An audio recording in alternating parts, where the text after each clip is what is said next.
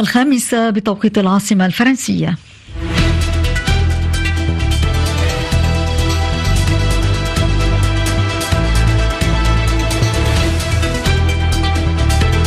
ينضم إلينا آدم جبير ليقدم لنا نشرة إخبارية مفصلة صباح الخير آدم. صباح الخير طب صباحكم مستمعينا الكرام في أبرز عناوين هذه النشرة.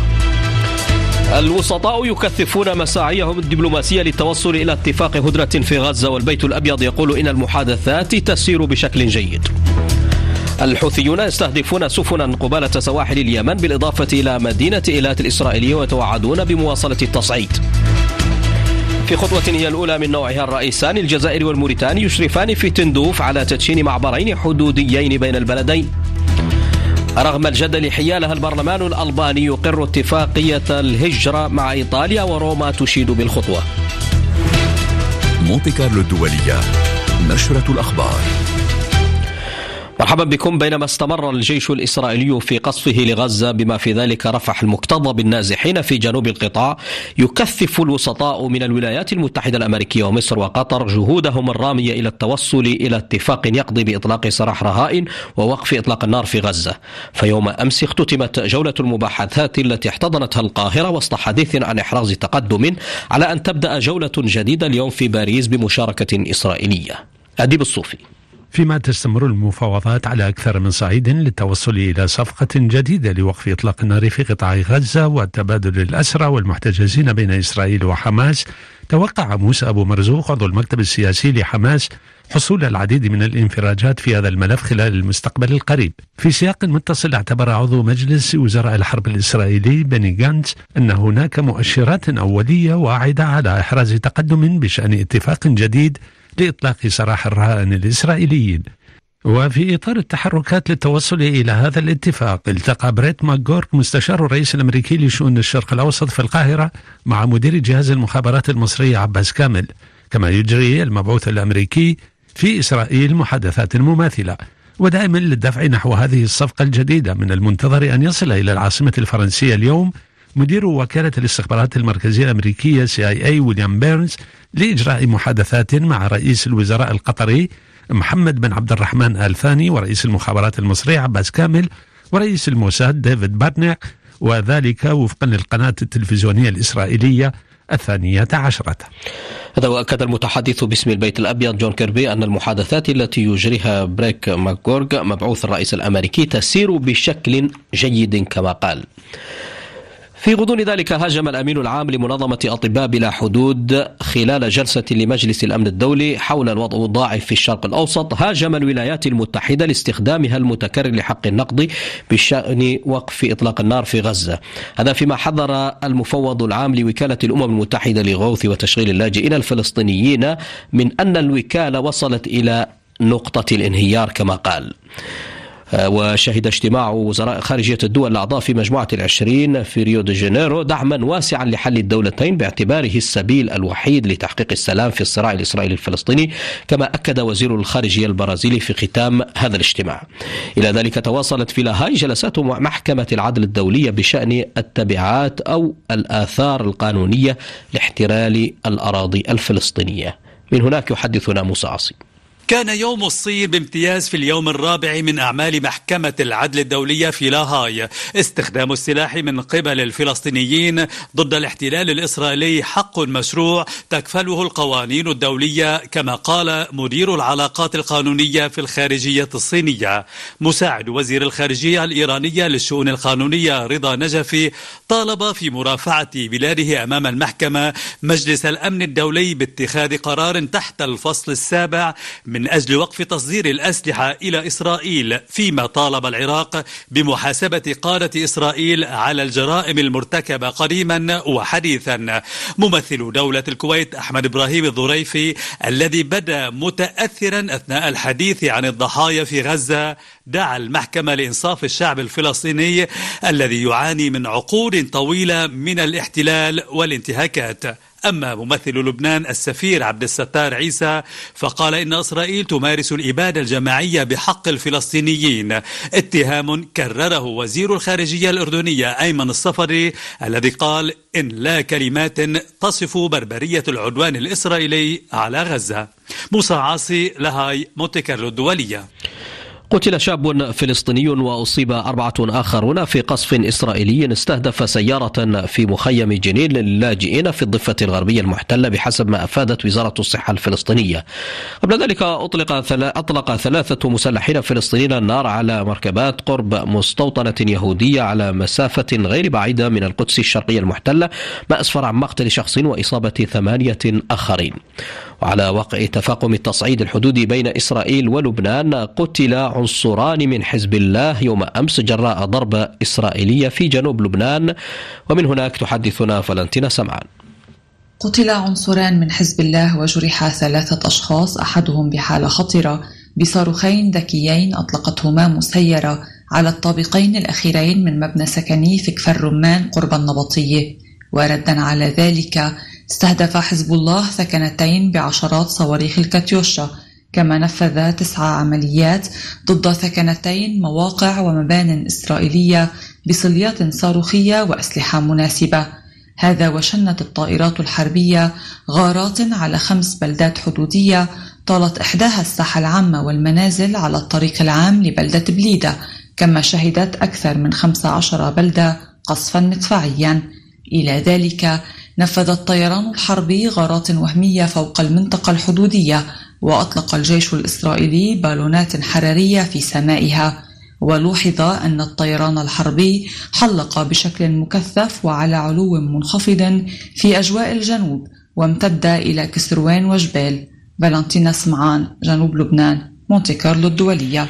وفي إطار التصعيد الإقليمي على واقع الحرب في غزة استهدف الحوثيون سفينة تجارية بريطانية وبوارج غربية قبالة سواحل اليمن إضافة إلى مدينة إيلات بجنوب إسرائيل في تكثيف واضح لهجماتهم التضامنية مع غزة كما يقولون.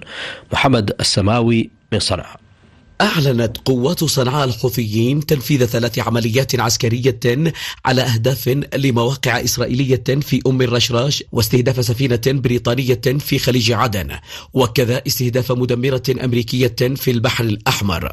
وأوضح المتحدث الرسمي للقوات المسلحة اليمنية في آخر بيان له أن العملية الأولى إطلاق القوة الصاروخية وسلاح الجو المسير عددا من الصواريخ البالستية والطائرات المسيرة على أهداف مختلفة لمواقع إسرائيلية في منطقة أم الرشراش وأشار إلى أن العملية الثانية للقوات البحرية استهدفت سفينة بريطانية في خليج عدن أصابتها بشكل مباشر.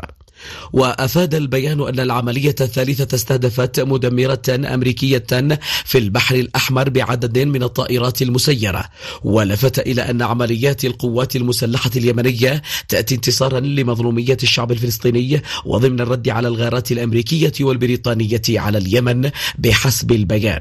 محمد السماوي صنعاء مونتي كارلو الدولية. وقال زعيم الحوثيين في وقت سابق عبد الملك الحوثي قال إن الجماعة ستصعد من هجماتها على السفن في البحر الأحمر ومياه أخرى وأدخلت سلاح الغواصات في عملياتها التي تشنها تضامنا مع الفلسطينيين في غزة. وقبل هذا الاستهداف الجديد للحوثيين أعلن الجيش الأمريكي أنه أسقط بالتعاون مع حلفائه ست طائرات مسيرة أطلقت من مناطق سيطرة الحوثيين في اليمن وكانت تستهدف على الأرجح بوارج في منطقة البحر الأحمر. تواصلون دائما الاستماع إلى نشرة الخامسة صباحا من مونتي كارلو الدولية.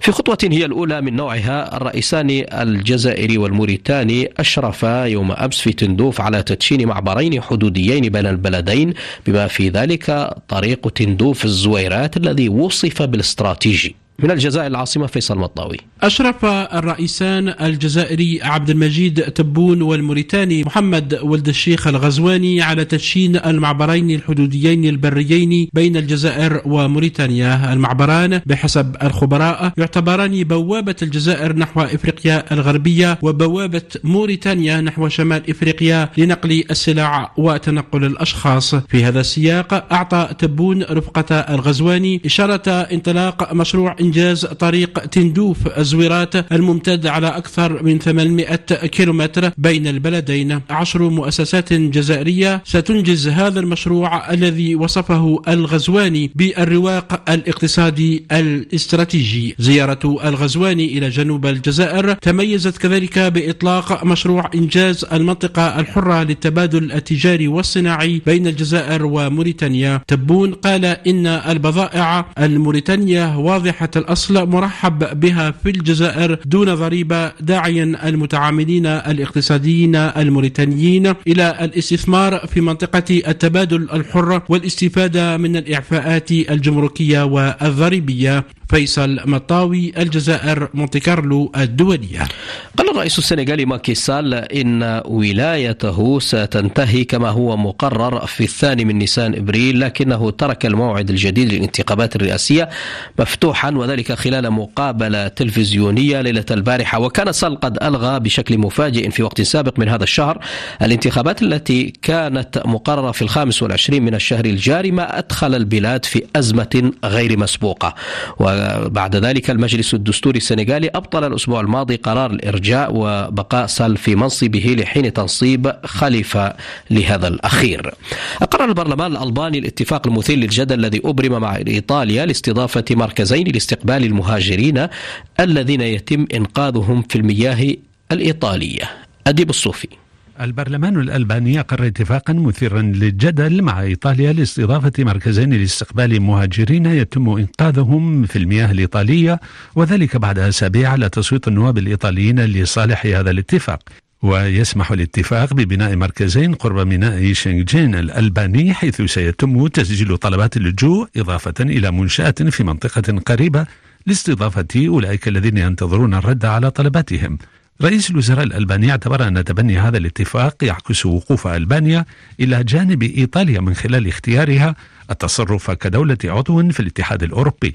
المعارضة الألبانية انتقدت هذا الاتفاق حول الهجرة واعتبرت أنه سيلحق ضررا بالأمن القومي وسلامة الأراضي الألبانية.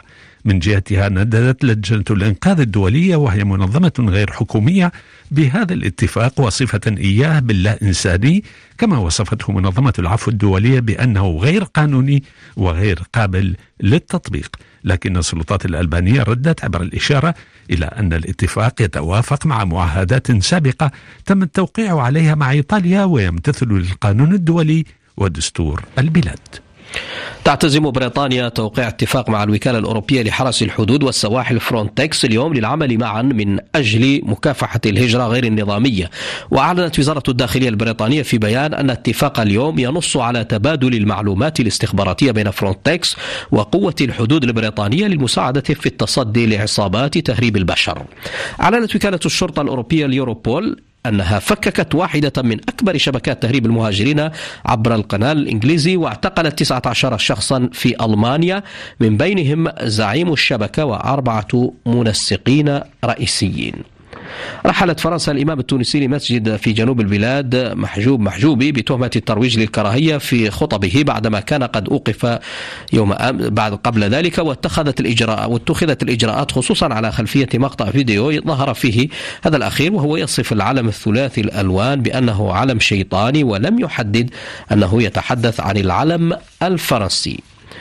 أعلنت والدة المعارض الروسي أليكسي نافالني أن محققين رافقوها لرؤية جثمان ابنها بعد أيام من منعها من دخول المشرحة لكنها اتهمت السلطات الروسية بابتزازها لدفنه سرا. والتقى الرئيس الأمريكي جو بايدن على انفراد في كاليفورنيا بأرملة نافالني ليعبر عن تعازيه الصادقة كما قال لخسارتهما المروعة وفق ما أعلن البيت الأبيض في بيان. وأعلنت روسيا عن تحقيق مكاسب ميدانية أم جديدة في مواجهة الجيش الأوكراني الذي يتخذ موقفا دفاعيا في بلاده ويعاني من نقص الأسلحة قبل يومين من الذكرى السنوية الثانية لبدء الهجوم الروسي على هذا البلد. ويستضيف الرئيس الفرنسي إيمانويل ماكرون يوم الاثنين مؤتمرا دوليا لدعم أوكرانيا بحسب ما أفاد قصر الإليزي في بيان يوم أمس. النشرة انتهت مستمعينا وكان فيها. الوسطاء يكثفون مساعيهم الدبلوماسية للتوصل إلى اتفاق هدنة في غزة والبيت الأبيض يقول إن المحادثات تسير بشكل جيد. الحوثيون يستهدفون سفنا قبالة سواحل اليمن بالإضافة إلى مدينة إيلات الإسرائيلية ويتوعدون بمواصلة التصعيد. في خطوة هي الأولى من نوعها الرئيسان الجزائري والموريتاني يشرفان في تندوف على تدشين معبرين حدوديين بين البلدين. شكرا لحسن استماعكم. نشرة الخامسة انتهت لكن الفترة الصباحية متواصلة معكم دائما فابقوا معنا. للاستماع إلى آخر نشراتنا mc-دولية.com